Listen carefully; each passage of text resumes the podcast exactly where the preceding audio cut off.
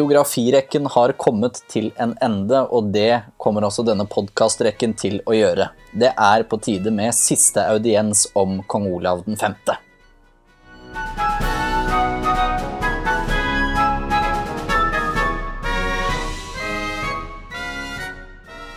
Og sedvanlig når en prater om kong Olav 5. og biografien om han, så må jeg ha med forfatteren selv. Velkommen, Tore Rem. Tusen takk for at jeg får komme tilbake. Og det er eh, Alle gode ting er tre, sies det jo. Og dette blir jo, blir jo tredje og foreløpig siste gangen, i hvert fall om, eh, hvert fall om kong Olav, da. Og sånn For våre lyttere som kanskje ikke er, er kjent med deg, så er du da professor i engelsk litteratur ved Universitetet i Oslo. Og da forfatter og kongehusbiograf.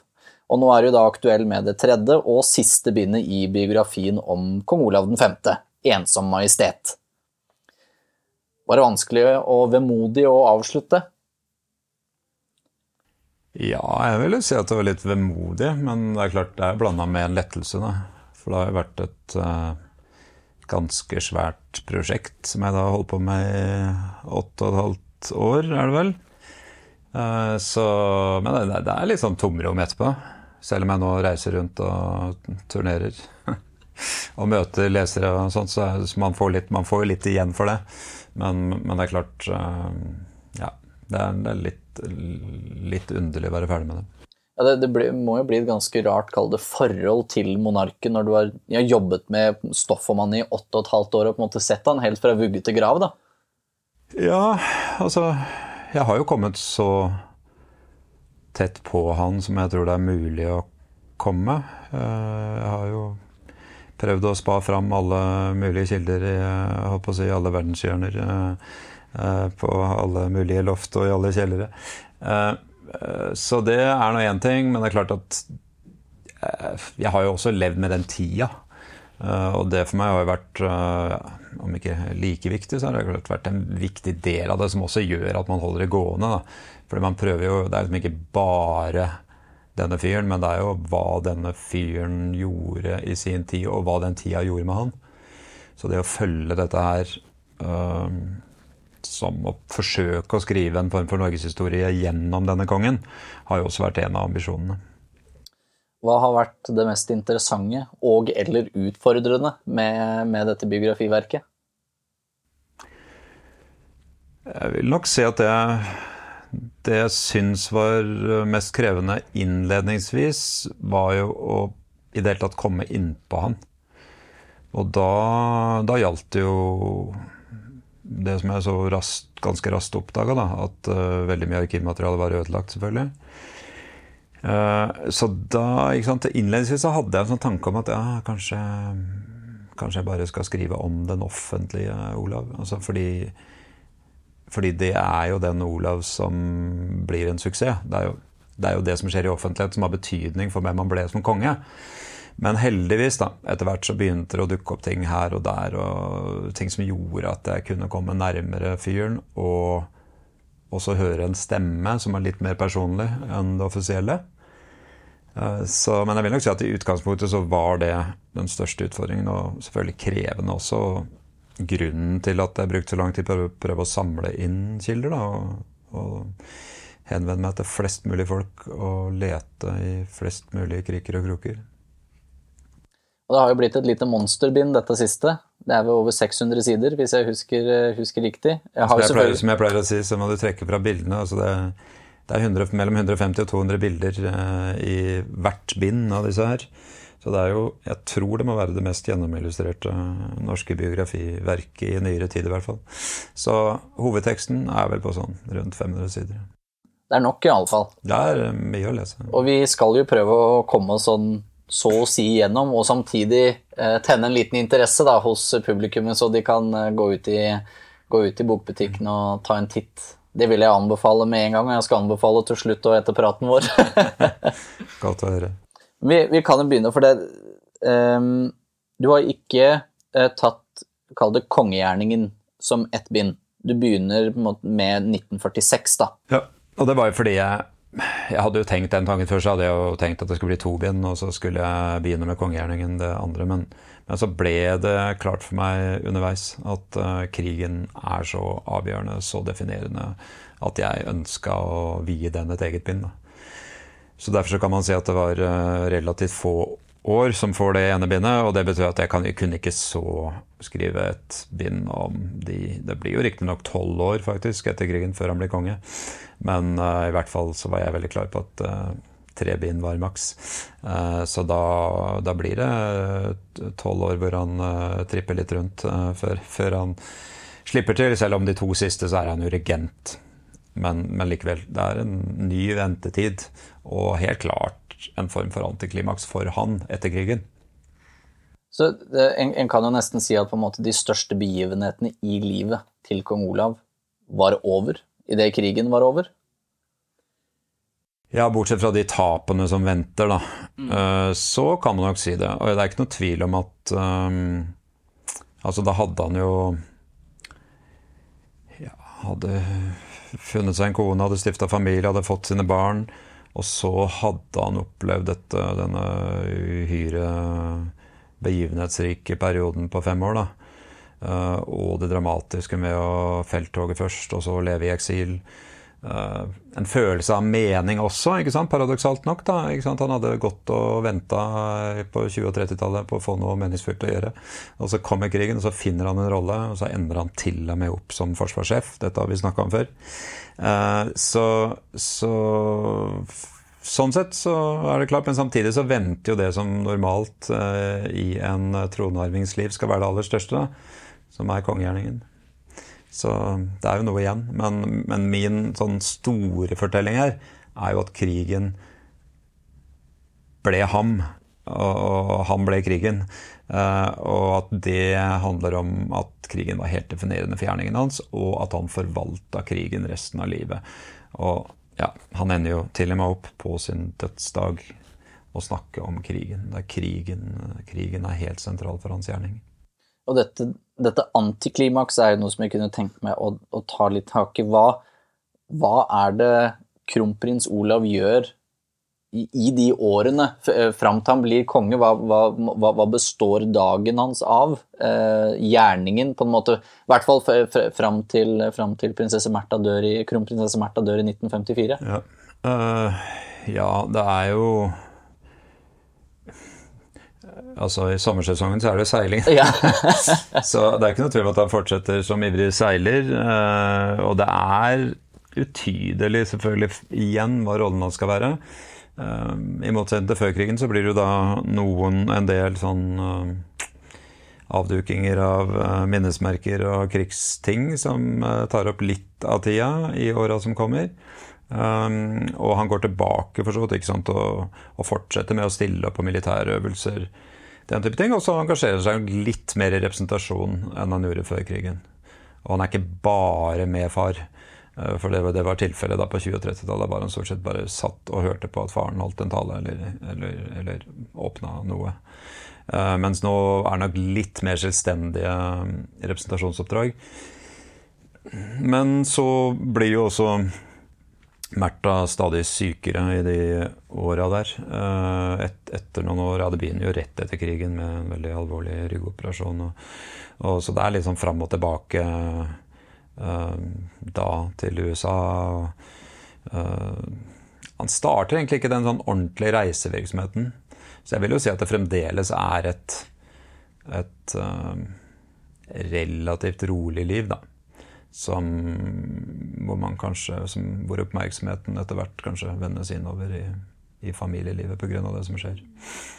Tror du at det var en bevisst handling fra kong Haakon sin side å gi kronprinsen mer plass? For sånn som at Han kommer hjem til 17. mai 1945, han er der alene, ja. Eh, og så nå får lov til å At han kom som den første da, det tror jeg jo, det har jo Tor Bormann Larsen skrevet om også. altså Det tror jeg er en veldig bevisst eh, politisk handling. altså Han skal få Uh, muligheten uh, han skal få lov til å bygge sin egen plattform uh, for sin gjerning. Så det, det tror jeg er helt vesentlig. Og jeg tror nok Håkon tenker sånn, det som kommer fram i dette bindet blant mye annet. Jeg tror ikke jeg har ikke sett at noen har snappa det opp, men det er jo en ny kilde på abdikasjonsplaner. Da. At Håkon han tenkte jo det flere ganger. Før krigen, under krigen, etter krigen. At nå er det Olavs tur. Eh, så det stemmer overhodet ikke med den fortellingen vi har arva om det norske kongehuset, at der sitter man til man dør, og så lenge man lever, så er man konge. Eh, Håkon vurderte det flere ganger. Han vurderte også da Er det rundt 48, da? Eller altså at Ja, nei, nå er det Olavs tur. Men det virker ikke som de snakker noe særlig om det. Men han lufter det for andre. Så, og det betyr jo også at han er seg mer bevisst. At nå er det på tide at, at sønnen får noe ordentlig å gjøre.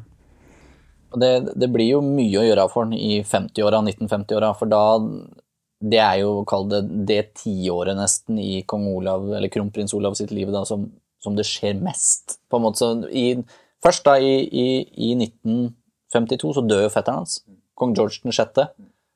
Var det et nært forhold. Han, han, hadde jo vært forloveren hans i bryllupet, men sånn etter det og gjennom kong George sin, sin kongegjerning Jeg tror nok at det avklares her i dette bindet, ut fra nye kilder. Fordi eh, det hadde jeg hørt litt sånne ulike ting om. da, ja, men Var det ikke David, eh, altså den eldste, Edvard 8., han var nærmest? og det der landa jeg mens jeg jobba med bind 1 på at nei, det var, det var uh, Bertie, eller George the Sixth. Uh, men her kommer jo selve bekreftelsen i form av et brev som han skriver til dronningmoren, altså da uh, Bertis enke, altså Elizabeth, uh, hvor han sier noe sånt som at utover Märtha så har ingen stått meg nærmere. Så ikke bare fetter, men som venn. Så det er ingen tvil om at det var et veldig nært forhold. Eh, og så kan det synes som om det på et vis overføres til dronningmoren da, et, uh, etter Märthas død, i, all, alle fall. Og så da i, i, mai 1953 så gifter prinsesse Ragnhild seg. Uh, dette skal vi komme litt tilbake til senere med disse prøvene som du har skissert så fint i boka. Ja da, det er et stort øyeblikk, selvfølgelig. Mm. Så er det da kroningen til eh, kong Georges eh, datter, dronning Elisabeth 2., 2.6.1953. Det er så lenge siden. Med tanke på at hun gikk bort tidligere i år, så er jo det en helt syk helt utrolig, periode. på en måte. Ja. Mm. Hvordan, eh, hvordan var det for kronprinsen, kronprins Olav, å, å ta del i kroningen eh, til sin fetters datter? Eh, som da bare som, Ja, hun var halvparten så gammel eh, som, som, kong Olav. Mm. Nei, det var nok eh, litt uh, underlig. Uh, han måtte jo til slutt vente. men han var da 54. Det er jo ingenting sammenlignet med Charles den tredje. men, eh, men, eh, lenge nok i et sånt vanlig menneskeliv, kunne man si. Så det var sikkert litt underlig, men jeg tror han Altså de, noen av de kildene vi har på det, eh, peker jo på at han nok satte pris på det. Altså det var jo spectacle, som det heter på engelsk. Altså det var jo et show uten like. og verdensledere, altså ledere fra hele samveldet og imperiet slash eh, samveldet kom. Eh, prinsesse Astrid Jeg siterer vel prinsesse Astrid på at uh, faren sa da de gikk rundt på en sånn stor mottagelse i, i National Gallery at uh, glem, glem, bildene på veggen, se på, se på, de som er her. Bildene kan du se en annen gang. Uh, så, så er det klart at de jeg tok det nok som en fantastisk liten ferietur også.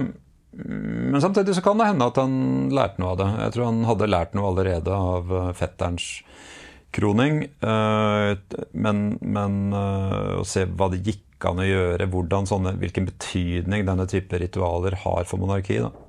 For dette var jo en suksess uh, uten like, og et medieshow som ingen hadde sett uh, maken til før. Og jeg er helt sikker på at det var med Uh, å forme i hvert fall noen av ideene hans om det som skulle bli hans egen signing. Så da, de, denne kroningen til dronning Elisabeth må ha vært en av de siste rent offentlige kall det arbeidsdagene til kronprinsesse Märtha. For herfra så går det jo veldig fort nedover. Og uh, 21.3.1954 så har de bryllupsdag, 25 år. den blir jo ikke feira med brask og bram, kan man vel si. Nei, det blir den ikke. Det blir jo Altså, de har jo sendt ut invitasjoner til uh, hundrevis av gjester, og folk skal komme fra inn- og utland, og så er de nødt til å avlyse den. Så det er jo en sorgens dag, i hvert fall et vemodets dag. Uh, det er noen nydelige beskrivelser fra kilder der om hvor rørende det er uh, når han snakker om sin kone, da, hva hun har betydd. og da han ser tilbake på uh, hvor godt hun ble tatt imot da hun kom i 1929, og hvor takknemlig han er for det. og sånt. Uh, så, men, men, helt klart en, uh, en vanskelig dag. Det er vel noen som beskriver på en måte det at det, det ettertrykkelig går mot slutten da, for kronprinsesse Märtha. At selv, selv, i døden så var hun vakker. Er det vel et, mm, ja. ja. Men det er klart noe av det mest påfallende i, den, i min skildring av det, da, hvor det også er mange nye kilder, uh, er jo de kildene som viser at kongefamilien i så stor grad ble beskytta mot virkeligheten. da. At uh, ikke sant, kronprinsens adjutant fikk vite hvordan det sto til da høsten før, og, og, men egentlig med klar beskjed om å ikke si det til altså skåne kongen og kronprinsen. Han vet ikke helt hva kronprinsen vet, men Harald har jo sagt siden at de ikke helt forsto at hun var så syk, og at det kanskje førte til at hun ikke fikk tatt et ordentlig farvel osv. Så, videre. så det, det, er noe som eh, Det er i hvert fall en interessant inngang til hva det er å være kongelig. da. At det er, kan være en av konsekvensene. At de kanskje på litt misforstått vis eh, skånes for virkeligheten. Og at det også gjør noe med det menneskelige. Og kong Haakon fikk vel bare beskjed om det nesten i en anekdote idet kronprinsen skulle ut på reise. Eh, var det ved nyttårsskiftet, eller? Ja, det er, det er, i hvert fall ganske tett opp at han, at han får vite alvoret i dette her, da. Og hun går bort av der ved 5. april 1954, og det kan vel kalles et sånt skille i livet til, eh, til kronprinsen? Ja, jeg, jeg, jeg, slenger en liten uh, allusjon, en henvisning i retning uh, liten Strachey der, som jo skrev om uh, dronning Victoria at ja, livet hennes var over, så å si, uh, da Philip Nei, da Albert, men det er prins Albert døde. Og det er, ikke, det er klart det er ikke like Det er akkurat like vondt menneskelig sett, helt sikkert. Men det er ikke like påfallende. altså Olav går ikke kledd i svart resten av livet. Uh, men, men, at det er et veldig tydelig skille i livet hans, det er det ingen tvil om. At, uh, at, det kommer til å prege han, det kommer til å prege gjerningen. Uh, det at han da aldri får en dronning ved sin side. Det var selvfølgelig slik det skulle ha vært. Og det ja, jeg, jeg, tror det er vanskelig å, å skjønne han da, uten, uten å uten å vite noe om hva det betød for han personlig. Og også hva slags ensomhet det skapte, eller iallfall bekrefta, i livet hans. Skaper det en avstand mellom far og barn? Ja, det er jeg nokså trygg på at det også gjør. Um... At det er på en måte, kall det mellomleddet her, som kanskje har kommunisert fra den ene til den andre, har, uh, har blitt borte? Ja, og kanskje at han ikke hadde et apparat da, til å takle den sorgen særlig godt. Uh, og noe er tida, uh, ikke sant? Dette var før å si, parterapiens tidsalder. så nå er tida at man ikke kanskje har så mye språk for å kommunisere, snakke om disse vanskelige tingene. Og, sånt, og noe er rollen og hans personlighet. Så det er i alle fall dette dette er ikke jeg som finner på, men det er jo, det er jo sånn barna har uh, eh, snakka om det i den grad de har berørt det, så det, som, gjør det ganske klart at det ble nesten ikke noe tema. Og jeg tror at særlig for tronarvingens del, som, det er klart som, som var veldig tett knytta til sin mor, også pga. disse åra i Amerika, uh, så ble det vanskelig. Og det er jo ikke da mer enn jeg ja, hva da, tre og et halvt år til neste dødsfall. Og da, denne gangen så blir han jo da konge. Kong Haakon dør 21.9.1957. Eh, og i det så Da har jo eh, kronprinsen vært regent i eh, så å si to år etter at kong Haakon snubla og brakk lårhalsen på Bygdøy. Og nå tar han jo tittelen. Da tar han tittelen, ja. Og det er jo det, hva skal vi si brutale ved institusjonens vesen. At du kan ikke bli deg sjøl før din far dør. Du kan ikke bli det du er hele tiden har skullet bli før, før din far er død.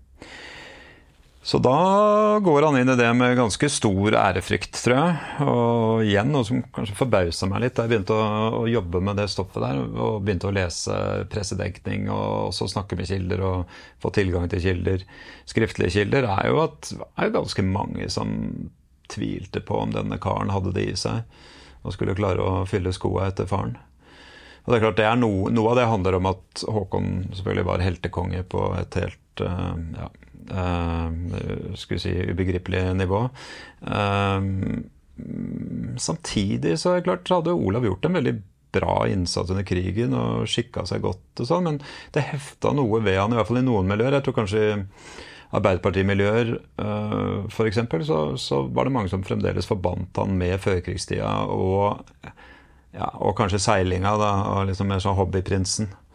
Uh, og, og, ja, Så det var ganske mange som uttrykte tvil om, om hvorvidt han kom til å klare dette noe særlig godt. Kan Arbeiderpartiet ha ment at de fikk en britisk gentleman til konge? Ja, det kan ha vært selvfølgelig noen klasse, klassedimensjoner ved det også. Men jeg tror det, i hvert fall det man har kilder på, så går det like mye på at han liksom, ja ja, en som ikke tok ting så alvorlig, og uh, som var mest opptatt av hobbyene sine. Og det er jo ikke rettferdig når du ser på uh, hva han gjorde under krigen. Det, det er det ikke, og, det tar jo heller ikke høyde for hvor vanskelig det var å liksom, finne en ordentlig meningsfull rolle etter krigen. Uh, men, men, likevel, uansett, det interessante er jo at sånn var det, ser det ut som. Uh, og det var mange som da hadde behov for å gi han råd. Altså, biskop Eivind Berggrav var frampå veldig tidlig, og blant annet uh, fortalte han at nå måtte han bli trofast kirkegjenger, for det ville sette uh, et godt eksempel for folket, og det hadde hans far vært, og det var av stor betydning. Uh, og så, videre. så han hadde jo selvfølgelig mange støttespillere også, men, men, det var i hvert fall et enormt alvor rundt dette her, da. Uh, og det var mange som hva skal vi si, sørga for at uh, forventningene ikke ble mindre enn de kunne vært. Så, og der er det også noen veldig interessante personlige betroelser til dronningmoren akkurat rundt det. Hvor, altså, hvor han, det er det nærmeste vi kommer. å vite hva som skjedde, hvordan han tenkte, da. Uh, altså hans uh, Hva som foregikk i hans indre. Og da er det helt klart at han ser, han ser det som et uendelig stort ansvar og et vanskelig, et vanskelig kall da, å skulle gå inn i den rollen.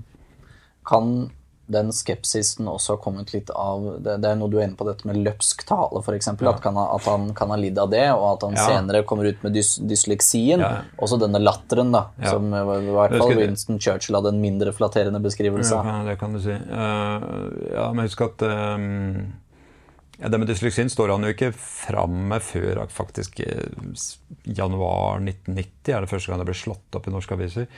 Men alle hadde jo merka seg dette her. Eh, og, og, det er faktisk noen få som skriver det offentlig også.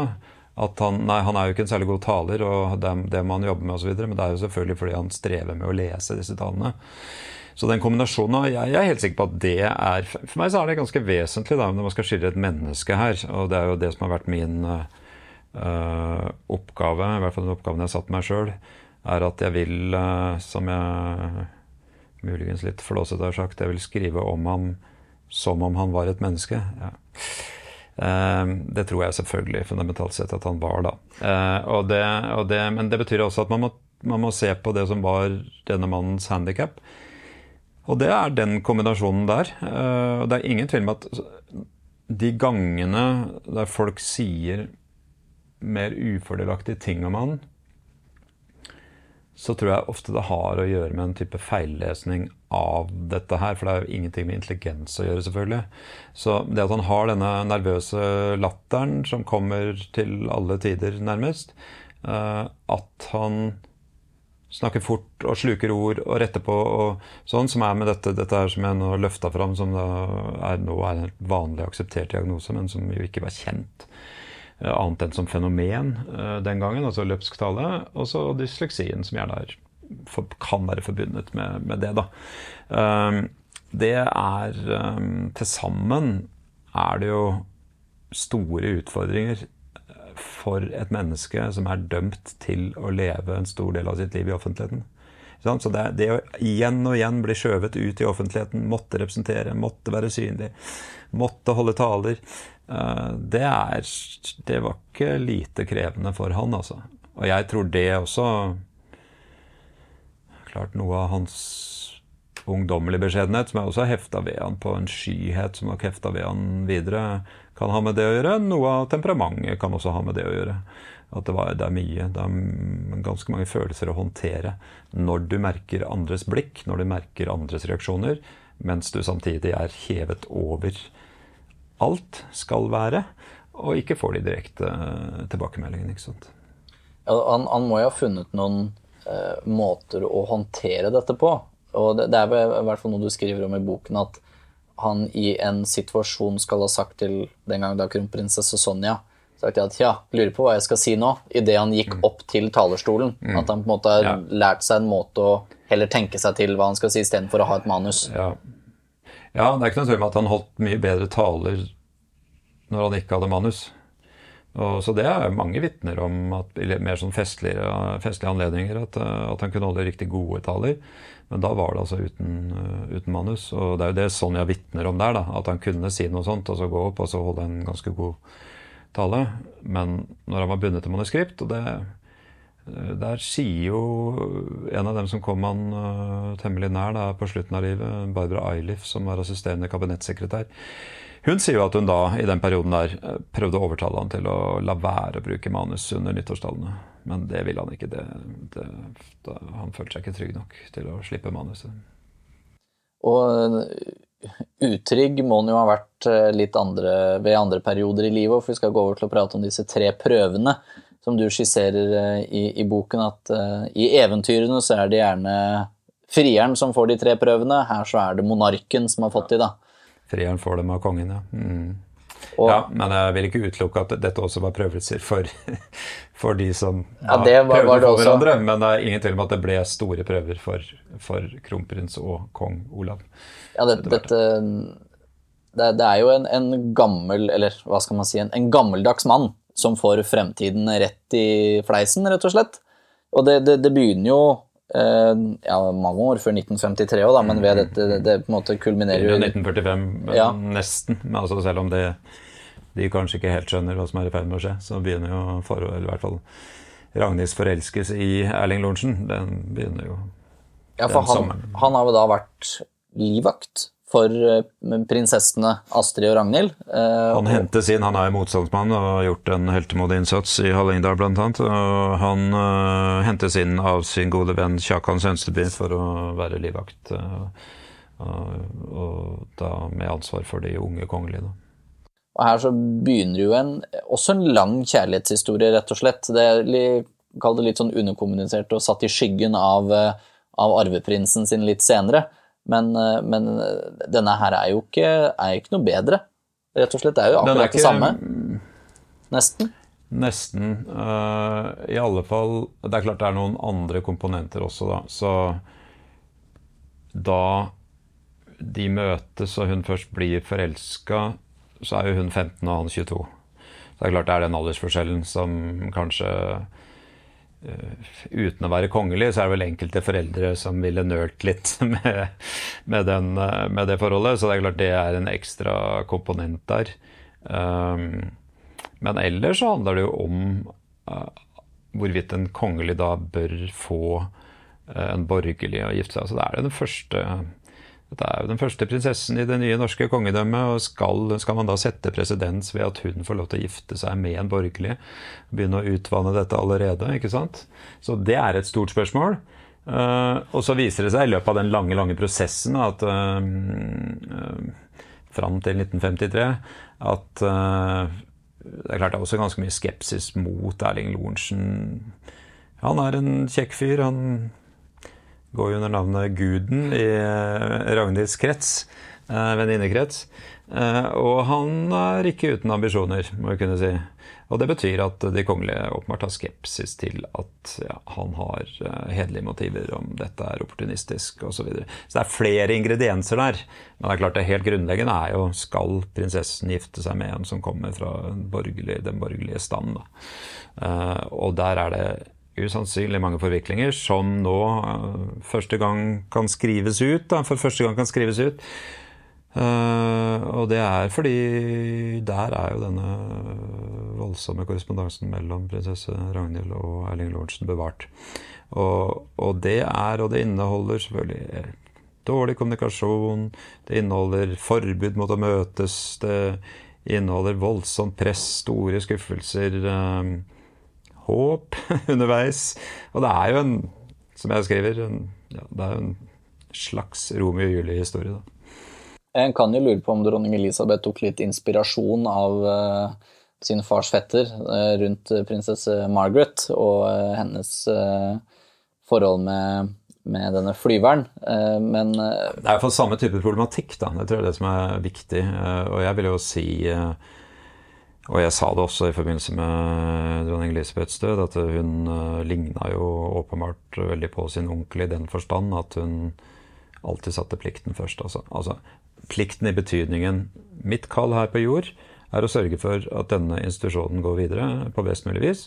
Eh, det betyr at når det kommer i konflikt med menneskelige hensyn, kjærlighet, hva det måtte være, så går plikten først.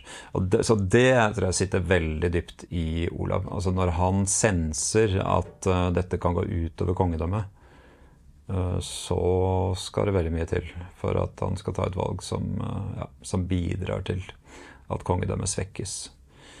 Og når du sier at dronning Elisabeth så til sin onkel, så er jo det kong Olav, da, ettersom ja, ja. hun, hun omtalte jo hans ja, ja, omtalt som onkel Olaf. Uncle Olaf. Uh, I den forstand. Unnskyld. Uh, men um, Nei, så for meg så er jo noe av det som gjør at det er meningsfullt og viktig å fortelle historiene om prinsesse Ragnhild og prinsesse Astrid, det er jo for at vi skal forstå det som skjedde med Harald og Sonja siden. Og jeg tror at man nå får helt nye forutsetninger for å forstå den prosessen. Fordi det er unikt nytt materiale som, som viser, belyser de to andre prosessene. Jeg må jo si, jeg ble litt overrasket da jeg leste disse sitatene som du har fra den korrespondansen, også da fra Erling Lorentzen og til kong Haakon var rimelig direkte i, eh, i talen. Ja, han er eh, en mann med en viss selvbevissthet, eh, må man kunne si. Så han henvender seg direkte til Majesteten. Men da skal man også huske, da, som et moment der, og det syns jeg er jo interessant altså, da har jo, For det er jo de som har sagt at ja, men men Olav, når vi kommer så langt som til både til Astrid og til, men ikke minst til Harald, sånn, så har han jo ingen ved sin side. Og det er jo riktig, det er ikke Märtha der. Men det den prosessen viser, er at Märtha er kanskje mer konservativ enn Olav. Hun holder mer igjen og er mer skeptisk. Så Håkon og Märtha er de som er mest skeptiske til denne første alliansen. Også. Og allianse nummer to er jo på en måte verre igjen. For her er det ikke bare en borgerlig en, men også en fraskilt en. Ja, Konfeksjonsmonarkiet er ved Konfeksjonsmonarkiet og Først en skipsreder og så en slipsreder, ja. skrev, skrev, man jo også i, i den, på den tida. Så det er ingen tvil om at det blir en ja, det skal si en enda vanskeligere sak. I hvert fall eh, der er det jo andre typer kilder jeg har fått tak i. Da. Det handler jo mest om biskop Fjellbu, som Arne Fjellbu i Nidaros, som blir veldig involvert i dette. For han sier jo ja til å stå for vielsen, og han tar samtalen med de unge osv. Og, så og, og noterte ned det han observerte. Ehm, men det fører jo til en enda større offentlig debatt og mer kritikk. Det er antydninger til kritikk eh, da eh, prinsesse Ragnhild får sin Erling. Eh, og det går jo bl.a. på det at hun får beholde prinsessetitlene. Men her blir det mye sterkere, og da kommer det ikke minst fra Kirken. Så Vårt Land, Dagsavisen Vårt Land drar i gang en debatt der, og det, det kommer ganske mye kritikk. og interessant nå i disse dager hvor det jo diskuteres litt rundt en annen prinsessetittel, men uh, det, som er, det, det, som er, tydelig fra mottagelsen av disse, disse um, giftermålene, da, er jo at uh, det er jo usikkerhet rundt om det er riktig. Når man, når man da, den gangen handla det om at man gifta seg borgerlig.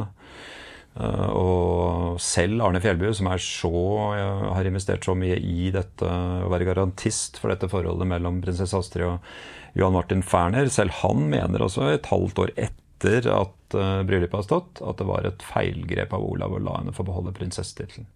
Da utsetter han seg for for mye kritikk. Det, det er farlig for kongedømmet. Det er jo en ting man eventuelt kunne lagd en egen episode på, med tanke på at det året her fremstår til å bli tittelbråkets år. Det er jo ikke bare i Norge det er litt, eh, litt bråk. Men eh, der er jo da prinsesse Ragnhild som har satt presedens, da. Hun fikk beholde prinsessetittelen med etternavnet ja. til sin mann, ja. og det er det som og blir det løsningen. Opp da, ikke sant? Det kommer opp, da er det umulig å ikke la prinsesse Astrid få beholde tittelen når man først har latt prinsesse Ragnhild få det. Så det, det, kommer opp som argument. Så da er presidensen der. Men det kommer også opp igjen, eh, hvis man skal holde oss bitte litt i det sporet der. Altså, altså da Erling Lorentzen ytrer seg uh, positivt om uh, militærjuntaen i Brasil, f.eks., og skriver i henvender seg til Gerhardsen og skriver i Morgenbladet osv., så, videre, så kommer akkurat samme problematikk opp som den nå gjør. Eh, bare at da handler det om politikk, ikke nødvendigvis om kommersialisering eller kommersialisme. Eh, men da er det jo de som skriver at eh, man kan ikke liksom, la Ragnhild ha den tittelen samtidig som man involverer seg i det politiske på den måten. Nei, og det, det, det, den største politiske krisa på en måte for, for kong, kong, Olav og monarkiet, rett og slett, da, hvis vi skal si at uh, han, kong Olav på på samme måte som dronning Elisabeth 2. har etter hvert formalisert institusjonen også som seg selv, så kommer jo det med dette famøse bildet av en uh, pike eller en frøken som står mm. og ser på vitnemålet til uh, kronprins Harald. Det stemmer. Så, så, det er klart at det går jo da om lag ni år da, før de får hverandre. Men dynamikken i den prosessen er ganske lik. Men, men det er klart at det topper Først har du en prinsesse som vil gifte seg borgerlig, så er det en som vil gifte seg borgerlig med en som er borgerlig og fraskilt. Og så er det selve tronarvingen som vil gifte seg borgerlig. Så er det klart, for Olav så blir jo det siste aller, aller mest krevende. da. Det har vært vanskelig før, men det blir det aller mest krevende. Og han har jo, prøv, jo jobba litt for å prøve å unngå det òg, med både prinsesse Irena i Hellas, prinsesse ja. Sofia i Hellas ja, ja. og da lady Alexandra, senere Ogilvi. Diverse til, eh, subtile forsøk på å koble, selvfølgelig. Uh, subtile eller mindre subtile, kanskje. Men, ja. men uh, ja, den greske kongefamilien, er, der er det besøk på Hanke og vice versa. på si, Ja, og er, han er på denne, denne, kjempestore det, det, som var på en måte ekteskapskruset, ja. som ble, ble gjort uh, på, på 60-tallet òg, for å prøve å få ja. noen kongelige kongelige matcher. Ja da, så det er, det, Men altså, igjen, der prøver jeg også å forstå Olav, da. Eh, så det er jo ikke vanskelig for oss eh, nå å se tilbake på det og si, det er jo å si at det var helt utrolig som at de ikke fikk hverandre med en gang. De var jo glad i hverandre. Altså, eh, men riktig så enkelt var det ikke. Og det er igjen fordi um, Fordi han på slutten av 50-tallet så jeg, jeg, jeg, bruker en liten, sånn, bare en liten rapport fra en samtale rundt en slottsmiddag. Og det er vel Berggrav igjen, da, sant, som eh, med, snakker med en uh, gammel venn, dansk venn av, uh, av kong Haakon. Da, og, og, da snakker de om kandidater for Harald. Og da, og da er det selvfølgelig prinsesser. Altså, det, er, det er helt utenkelig at det ikke skulle være en prinsesse. Altså, da er det det. Og så er det dette med, med, institusjonen og Olavs forpliktelse på institusjonen. Og da vil jeg si at veldig lenge så er det nærmest konsensus om at det er en umulighet at Harald skal gifte seg borgerlig. Så det er ikke før Egentlig ikke før 67, kanskje at det begynner å bli litt bevegelse høsten 67, begynner det virkelig å bli bevegelse i offentligheten. Hvor en del ukeblad og noen aviser tar til orde for at nei, nå må han da få øh, denne damen. Uh, men, men, før det så er det, det er både uh, konsensus i offentligheten og i politikken.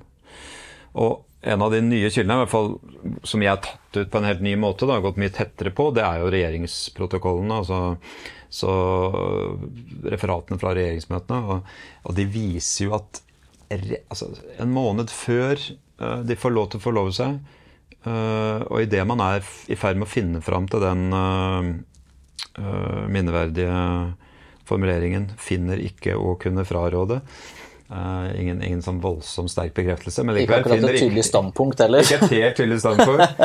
Ikke jubel. uh, ikke glede på vegne av de unge, eller ikke lenger fullt så unge. Ja, ja. Men iallfall, uh, på vei dit så ser man fra regjeringsforhandlingene da at selv de som mener at det er riktig å lande på den konklusjonen og åpne for denne alliansen, en god del av dem mener at samtidig så betyr det slutten på kongedømmet. Og det må Olav få beskjed om.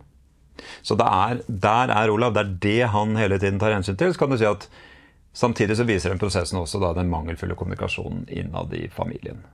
Uh, og for så vidt mellom Olav og det politiske nivået også. Men det går heldigvis bra til slutt, da. Sånn som eh, kjærlighetshistorier gjerne skal, skal, ha det til. I hvert fall i Hollywood, ja. Ja, i hvert fall i Hollywood, mm. og i det norske kongehuset. Og i det norske kongehuset, ja. ja. Så må vi jo ta for oss monarken her. Nå har vi sett på kronprinslivet og disse tre prøvelsene. Og så da regenten og kongen. For han begynner jo, tross han, han er konge i 34 år, vel. Eh, også, men han er jo regent i 36. Ja, to år før, ja. Mm. Mm. Og det begynner jo med at eh, kong Haakon glir på, på, badet på Bygdøy, og fra da så er han jo teknisk sett eh, monarken i gavn, men ikke i navn. Han er jo det. Selv jeg tror han er ganske, Mitt inntrykk er bare at han er ganske forsiktig altså, da, i de to åra der. Og at han fremdeles tenker ganske lenge at faren skal komme tilbake. Men er det noe makt, kall det sånn maktdeling, sånn som uh, kong Harald har uttalt uh, etter kong Olav sin død, at uh, det ofte var litt problemer med hvem som var statsoverhode når kronprinsen var kronprinsregent? Jeg, jeg, tror, jeg tror ikke det i den perioden. I hvert fall har jeg ikke noe kilde på det. Um, det man ser, og som det man ser etter krigen, og som er forbausa meg litt, og det er jo uh, Dette var jo noen kilder fra Gerhardsen som kom fram egentlig gjennom Harald Stanghelle først, uh, og så i Tor Gorman Larsens, Larsens siste bind. Jeg bruker noe av det, bruker litt mer av det stoffet. Eh, det dokumenterer jo at det er litt sånn rar skurring eller avstand eller hva det er for noe mellom far og sønn altså, i de etterkrigsåra. Som er litt forbausende når du tenker at de har blitt sosialisert så sterkt sammen da under krigen. De har bodd sammen, de har virka sammen, de har sittet i statsråd osv. osv. Men, men det, er, og det handler om mangel på kommunikasjon, at uh, kongen er forbausa over ikke å være orientert om det ene og det andre. og, og, og vitner om, sånn som den ene livlegen Efskin, som liksom sier ja, det er synd at far og sønn ikke kan snakke sammen. Eh, så det er klart at det fører vel også til en form for avstand gjennom de to åra, tror jeg. Samtidig som Håkon da er Han vil jo ikke bli sett eh, som svak. Så han viser seg jo ikke i offentligheten. I Nei, Han sier det så lenge jeg ikke kan stå, så skal ikke folket ja. se meg. Så han eh, så, og, da, og, da, tror jeg egentlig han i veldig liten grad involverer seg, rett og slett. Han er interessert i å høre hva folk mener og sånt, men men jeg tror, jeg, jeg tror ikke, i hvert fall er det ikke noen kilde på at han prøver å overstyre Olav. Så det som skjer på tampen av Olavs liv, er jo at han ikke klarer å slippe taket når han kjenner at han får litt krefter igjen etter det slaget den høsten, da, høsten 1990. Så tar han plutselig kongerollen, eh, mens han jo ikke er regent. ikke? Så, så, det er ordentlig vanskelig. Men, men, det ser jeg ikke noe tegn til da, i, Håkons uh, sykdom. Og Kong Håkon han hadde jo en kroning mens det, det, det, ble jo skrevet ut av Grunnloven i 1908. Og så har jo kong eh, Olav da vært i to kroninger. Det, det, som du, det var jo som du nevnte, dette må ha inspirert han til ja. denne kampen som blir om signinga. Ja. For regjeringen var vel ikke veldig lysten på akkurat det? Nei, det var ikke det. det jeg syns det er fascinerende. Det er mulig at jeg er for nerdete, liksom, men jeg ble veldig opptatt av det, for jeg tror det er ganske vesentlig. Um, for du forstår forholdet mellom eh, politikk og kirke og kongemakt. Eh, Maktfordelingsprinsippet. Ja, det kan man si. De tre, de tre der, ja. Men nei, jeg ble liksom ordentlig fascinert av den maktkampen da, som skjer fram mot svingninga, og, og, som jo ender opp med en, ja, en en voldsom suksess for Olav og hans standpunkt og det han ønska å få til. da. Det må jo ha vært en popularitets... Enorm boost, ja. ja. Det er jo veldig viktig for begynnelsen av hans gjerning. Da, da hadde du liksom litt sånn nølende start og usikkerhet og sånt, og så kommer det, og så kommer signingsreisene liksom opp til Trondheim sørover igjen langs kysten, og så Nord-Norge året etterpå. Eh, enorm eh, triumfferd. Eh, men på veien dit så begynner det jo med at Eivind Berggrav allerede under krigen begynner å pusle med en eh, liturgi som skal være for kroning. Da, for det, og det er noe av det som eh, forbausa meg, jeg skal ikke si sjokkerte, men forbausa meg ganske kraftig. At Håkon f.eks. gjerne vil at det skal være kroning liksom mens de diskuterer dette her. Da. jeg er enig. Kroning, ikke sant. Det er ikke ja, men det, det, er jo faktisk det er jo ukonstitusjonelt. Det er jo avvikla i Grunnloven. Og så er det enke noen høyrepolitikere som er veldig aktive inne i debatten her. Men ja, hvorfor skal det ikke være det? Kan ikke kongen bare bestemme det? Ja, altså, det er veldig, veldig jo, pussig. Det, det, er vel litt den selv om det ikke står i Grunnloven, betyr det ikke at det ikke kan være? Ja, det er det. Men å bruke det smutthullet da ville vært veldig altså det, det ble jo da avvikla. Så da måtte man i så fall på politisk vis dette har jeg også konsultert eh, grunnlovsjurister om, så, så det er, de oppfatter det som ukonstitusjonelt. Så, så, det er ganske, det ganske sterkt. Eh, og så er det jo det at han da Og så, etter Håkons død, så er det jo selvfølgelig Olav som har på en måte eneansvaret for hvordan dette skal gå. Og som selvfølgelig må prøve å finne ut av hva det politiske miljøet mener. Og da blir det jo raskt debatt. Og da er han tydelig altså at det må være signing ikke kroning. Uh, og, men så begynner en ganske månedslang prosess uh, fram mot sommeren 58, uh, hvor biskopen i Nidaros, den førnevnte Arne Fjellbu, med det minneverdige erindringsverket en biskop ser tilbake eh, på sin kappe, får man si. Eh, han eh, hva, hva, var det? Det imponerende utseendet er vel også det han eh, blir omtalt som å ha? Pompøse den gangen. Dette lærte jeg ved å lese uh, tusenvis på å si, avisartikler fra den perioden, i hvert fall hundrevis. Eh, at pompøs var et mye mer nøytralt begrep enn det sånn som vi bruker det i dag. Så man får ros for en pompøs fremtreden osv. Eh, det er, han er imponerende og en flott geistlig, og han har også veldig stor grad av selvbevissthet etter krigen. Etter egen heltige, til dels heltemodig innsats, og, og liksom på vegne av kirka. Eh, så han går inn i den kampen med Arbeiderpartiet, må man kunne si. I hvert fall med Gerhardsen-regjeringen, eh, med liv og lyst. Og til slutt så tar de noen veldig smarte grep da, som gjør at det blir en helt annen representasjon i Trondheim enn det det var lagt opp til fra Gerhardsens side. De vil ha en litt sånn dempa seremoni eh, hvor eh, eh, bare noen få eh, representanter for det offisielle Norge er til stede. Og så blir det jo satt opp tog eh, holdt på å si, med ekstravogner med, med tilbud om at stortingsrepresentantene får ta med seg um, ektefeller, og, og, det blir en stor, stor, stor, stor Det blir jo en kroning uten kronen. Det blir en kroning uten, uten krone. Uh, og, det, og, det, blir en Selv om det også blir en liten backlash med, med litt debatt etterpå, så blir det jo primært en, en, en stor suksess, da, og en viktig inngang til gjerningen for Olav. Og, og som altså da ledsages av, av disse reisene hvor han jo møter eh, hundretusener, må man tørre å si. Ja, og Disse reisene er jo er noe du har hatt litt fokus på. Og nå tenker jeg ikke på kroningen, selvfølgelig, eller nei, signingen, eh, men, eh, men disse alle statsbesøkene. For der hvor kong Haakon bare trengte å reise til Tyskland for å finne en eneveldig monark, så måtte vel eh, kong Olav litt lenger. Litt lenger for å finne altså det er jo, Dette har jeg jo fra folk som jobba for han. Og, altså han, han, prioriterte monarkier.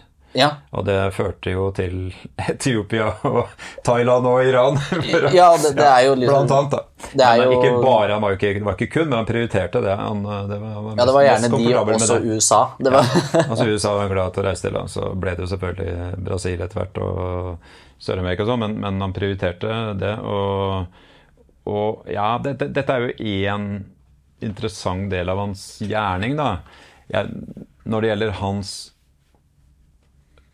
popularitet og hans suksess som monark, så vil jeg jo legge vekt på de på innenriksturene. Og at det er, et, det er, en ny tendens. Hans far var ikke i nærheten av å reise på den måten. Og det har jo selvfølgelig noe med moderne kommunikasjonsformer å gjøre. At det gikk raskere å forflytte seg landet. Men det hadde også med en bevisst tenkning å gjøre. Altså Han forsto at for å være en moderne kongelig, så måtte man bli sett. Han måtte rundt og shake hands, som de sa da han reiste rundt i Amerika på, i 1939. Så, så det, det, det, hadde han forstått. Det var helt vesentlig, og det gjorde han. Og så I tillegg så kommer alle disse statsbesøkene, og, og noen av dem litt problematiske ja, det, og, også. Men det er, jo, det er jo da også store forventninger til hva kongen skal kunne utrette på vegne av nasjon og næringsliv og sånt, og det begynner der. Med han, eh, går det an å si. Det er så vidt den en dimensjon med Håkon, noen de få statsbesøkende Håkon gjør også, men da handler det litt mer om å trygge Norges posisjon. Og, ikke sant? Ja, for det, det, er jo, det, det, er jo påfallende sånn Kong Håkon fikk jo statsbesøk av kong Sjuralongkorn i 1907, ja. men det ble ikke noe gjenvisitt. Nei. Eh, men Nei, for da var Olav... Sjuralongkorn på turné i Europa og hadde lyst til å se dette rare landet i nord. Så, ja, nei, så er rart han ikke ville se dette rare landet i øst, på en måte. Kong Håkon som det, det ja, som Siam har sett ut. Ja, det må nok...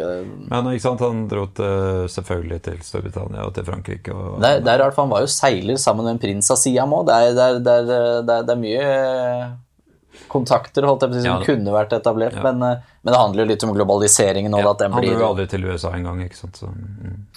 men, eh, men, han har, kong Olav får jo også besøk av paven ved tilfelle. Er det pave Johannes Paul som kommer da? For jeg husker det, det, var, det var så fint, det, nettopp dette fotografiet som, som du har i boken, hvor, han, hvor de står på slottsbalkongen, og kongen har på seg denne Paulusordenen. Det, det, det, er mye ordener også i disse fotografiene. Som, ja, som blir han, var, han, setter vel en slags rekord, i hvert fall norgesrekord, i antall ordener. Jeg husker ikke Det står et sted i dette verket, men hva det blir til slutt.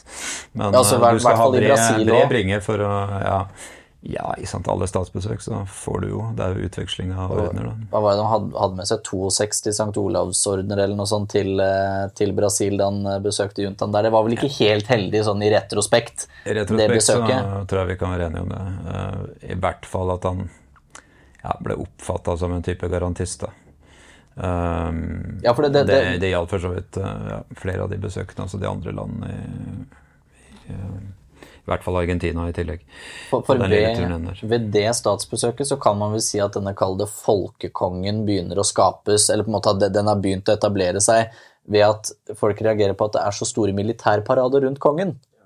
Selv om han er krigeren, så er det fortsatt Ja, han er krigeren, ja, men det er jo ja, det, det, kan man angripe fra flere sider. Altså, begrepet folkekongen det, det kommer veldig raskt på plass. Han arver det veldig tidlig, tror jeg etter fem år så ser jeg det første gang ja, det er så. Tidlig, ja. Første gang nevnt, altså. Ja. 62 drar jeg på besøk i Kristiansand, og de skriver om den populære folkekongen Olav. Uh, så, men, men, krigeren det er jo noe som, uh, som, vi har vært innom, som jeg er opptatt av. og som jeg gjerne minner folk om at han gikk jo veldig ofte i uniform. Han likte å gå i, ga, i gallauniform. Uh, han kunne mm, ja, kaste skygge selv over britene, liksom. Fordi han gjerne kunne være mer formelt kledd opp enn en dem. Uh, og, og, ja, det er litt sånn pussighet og Det blir jo veldig rart i en sånn militær kontekst, da. Som militærjuntaen i Brasil, hvor han da står og følger med på en gigantisk sånn militærparade på nasjonaldagen. Og så drar han til Argentina. Og der kommenterer pressen at ja, men denne kongen fra nord han jo, virker jo mer militær enn deres egne juntaledere. For de hadde som tradisjon at når de gikk inn i presidentembetet, så gikk de over i sivil. så, så militærjuntaens president var i sivil, mens kongen fra Norge var i, var i generaluniform. Det, det en, en, ting som jeg la, la, eller bet meg merke i, da, og det, det, kan jo trekke det litt til det som skjer i dag, med at den nåværende kongen av Storbritannia det som jeg, jeg sier jo kong Carl, da. Jeg er jo historie... Ja, det, det, har jeg lest sånn språkmessig, tror jeg egentlig at det, ja, det gjør man etter. Nei, ja. det gjør man når de er døde, så går man over til den norske Men vi skulle visst ikke gjøre det lenger heller. Ja, det skulle ikke det, Nei, for, det, det, for der jeg sier fordi, men det er fordi jeg er altfor engelsk, så sier jeg George the Sixth og ja. Charles the Third, men jeg skjønner Carl den tredje. Ja. Jeg har fått motargumenter med at jeg må begynne å si kong Johan Carl om Juan Carlos, så det kan nok hende at jeg må inngå litt kompromiss med meg sjøl der. Men eh, Den gang Charles var fyrste av Wales, så skal han jo ha sagt at et av de mest pompøse monarkiene var det norske. Eller de skandinaviske. Ja, de skandinaviske. Ja. Ja, altså Han mener at de er mer uh, pompøse og offisiøse uh, enn det britiske.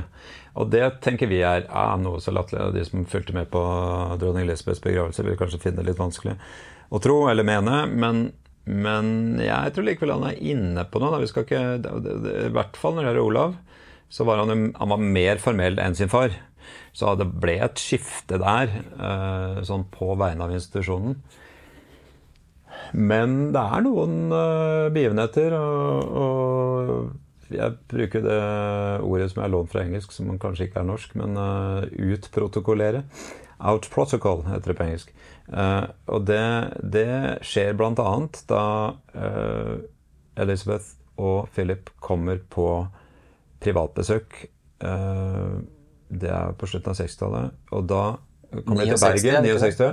Da kommer de til Bergen, og da er det bilde av Olav i admiralsgallauniform og Philip i blådress. Og, det, og da de, blir de helt tatt på senga. De er, ikke, de er ikke forberedt på det. ikke sant? Eh, så da er det norske mye mer formelt enn det engelske. Så det er noen sånne situasjoner da, hvor, hvor, uh, som kan ha bidratt til at Carl 3. Uh, får et slikt inntrykk av uh, disse sykkelmonarkiene. Muligens blitt pratet om på bakrommet etter besøket, kanskje?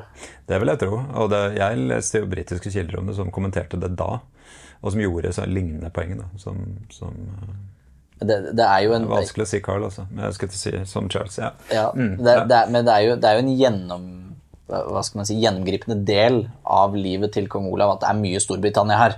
At det er hvert år så er han ved cenotafen og, og uh, bivåner uh, denne nedleggelsen av kransen. Si kenotafen, kenotafen er så, ok. Kenotafen, da skal jeg si det. det cenotafen, ja, Men, men uh, dette minnes ja, liksom, markeringene over de falne rundt 11. Denne seilerorganisasjonen og Ja, den der Yacht, International Yacht Union Organization. Ja. ja, han er jo Altså, nei, det britiske er for meg er helt åpenbart ekstremt vesentlig. Og det er jo en stor del av hans barndom. Det er hans mor. det er hele, Han er mye nærmere knytta til den britiske familien enn til den danske. Uh, og det er barndom, det er Oxford, det er selvfølgelig fem års eksil. Uh, og det er høst turer eh, alltid, og selvfølgelig ofte noen andre turer også, men høstturen, og det kan være to eller tre uker hver høst, hvor han klarer å ta fri fra kongegjerningen og, og sitter og diskuterer seilreglementer eh, og besøker slektninger og er med på disse minnesmarkeringene. Det, og, og, det er jo veldig mye, og det legger du vekt på, korrespondanse med dronningmoren. Og det er mang en invitasjon som ikke blir imøtegått. Det, det, ja, og det er ikke til London, men eh, til Norge, da. Uh, så ja, må, jeg må jo si det, da, for det var jo et fantastisk funn. Uh, og det tok litt tid før de i Royal Archives ga meg den korrespondansen. Uh, og der ser man jo ikke katalogen, så man vet jo ikke hva de har. Så det var, en, det var også en vidunderlig overraskelse da de kom med en stor korrespondanse fra Olav til dronningmoren. Og det er jo der han kanskje er mest personlig. Men der ser du også Dette har selvfølgelig Det er en kontekst der som heter rykter. Altså, så det er jeg helt sikker på at eh, hun er veldig forsiktig for at det ikke skal altså, Hun prøver å unngå at det oppstår mer rykter rundt dem. Uh, altså sier hun nok dessverre ganske ofte nei når han sier 'Å, kan du ikke komme til Holmenkollen neste år?' Eller 'Og neste år er det jubileum', og så er det ski, ski ditt og ski datt. Uh, og da kommer avvisningene. Uh, men det er ingen tvil om at de har et veldig nært forhold, og at de, at de få gangene hun kommer til Norge, da, den veien, så er det beretninger om at han da virkelig lyser opp og blir en annen, da. Slik han blir en annen hver høst når han kler på seg eh, tweeden og blir engelsk eh, gentleman og tas imot eh, på Harrods og Fortnum Mason og hvor det skulle være når han er rundt og shopper. da. Men så etter eh, etter hva da, nesten 33 år på tronen, så kom vi til det siste hele året i kong Olav sitt liv, som det er 1990. Og han har jo da hatt noen sånn, hva skal man si, eh, årlige sykehusinnleggelser med lungebetennelse, vel. Ja. Eh, og så da i dette året 1990 hvor det er 50 år siden invasjonen, og da 45 år siden krigen sluttet, så er han jo fortsatt Det er ganske høyt arbeidstempo på, på kongen i form av å avduke krigsmonumenter. Ja, og være til stede, ikke minst. da, eh, Være til stede og markere disse jubileene.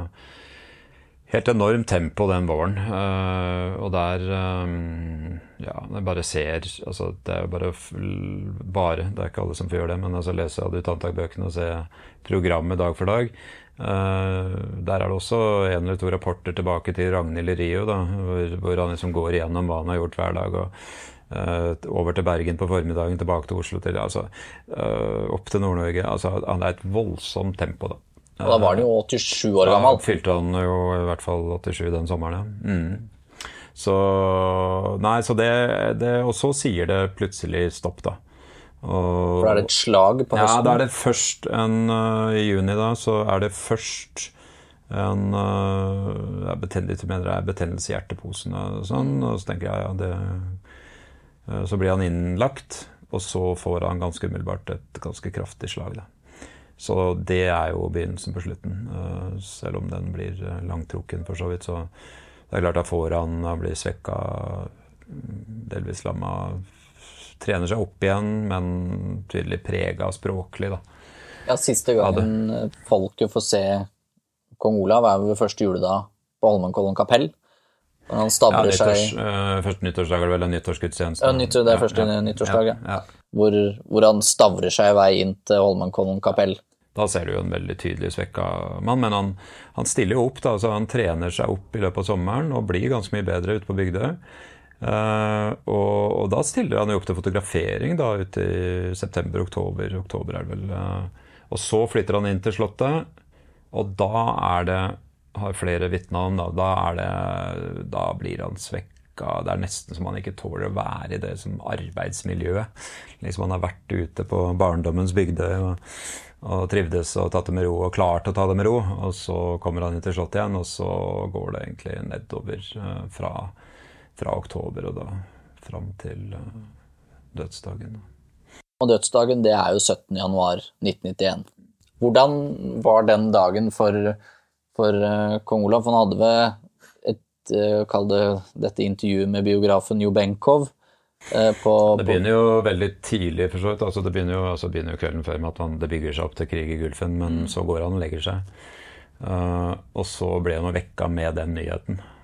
Um, og da blir han veldig rastløs og mener at man, han egentlig ikke tid til å spise frokost da man er til Slottet. Han er jo oppe på Kongssetra. da. Eh, og så drar han ned, og så har han møter med treffer både forsvarssjefen og Harald. Da, lengre konferanse med. Og så kommer Jo Benkow og gjør sitt timelange intervju. Og det, det, det spesielle og gripende, synes jeg, da, er jo at da sitter de stort sett den dagen og bare, altså den timen og bare snakker om krigen.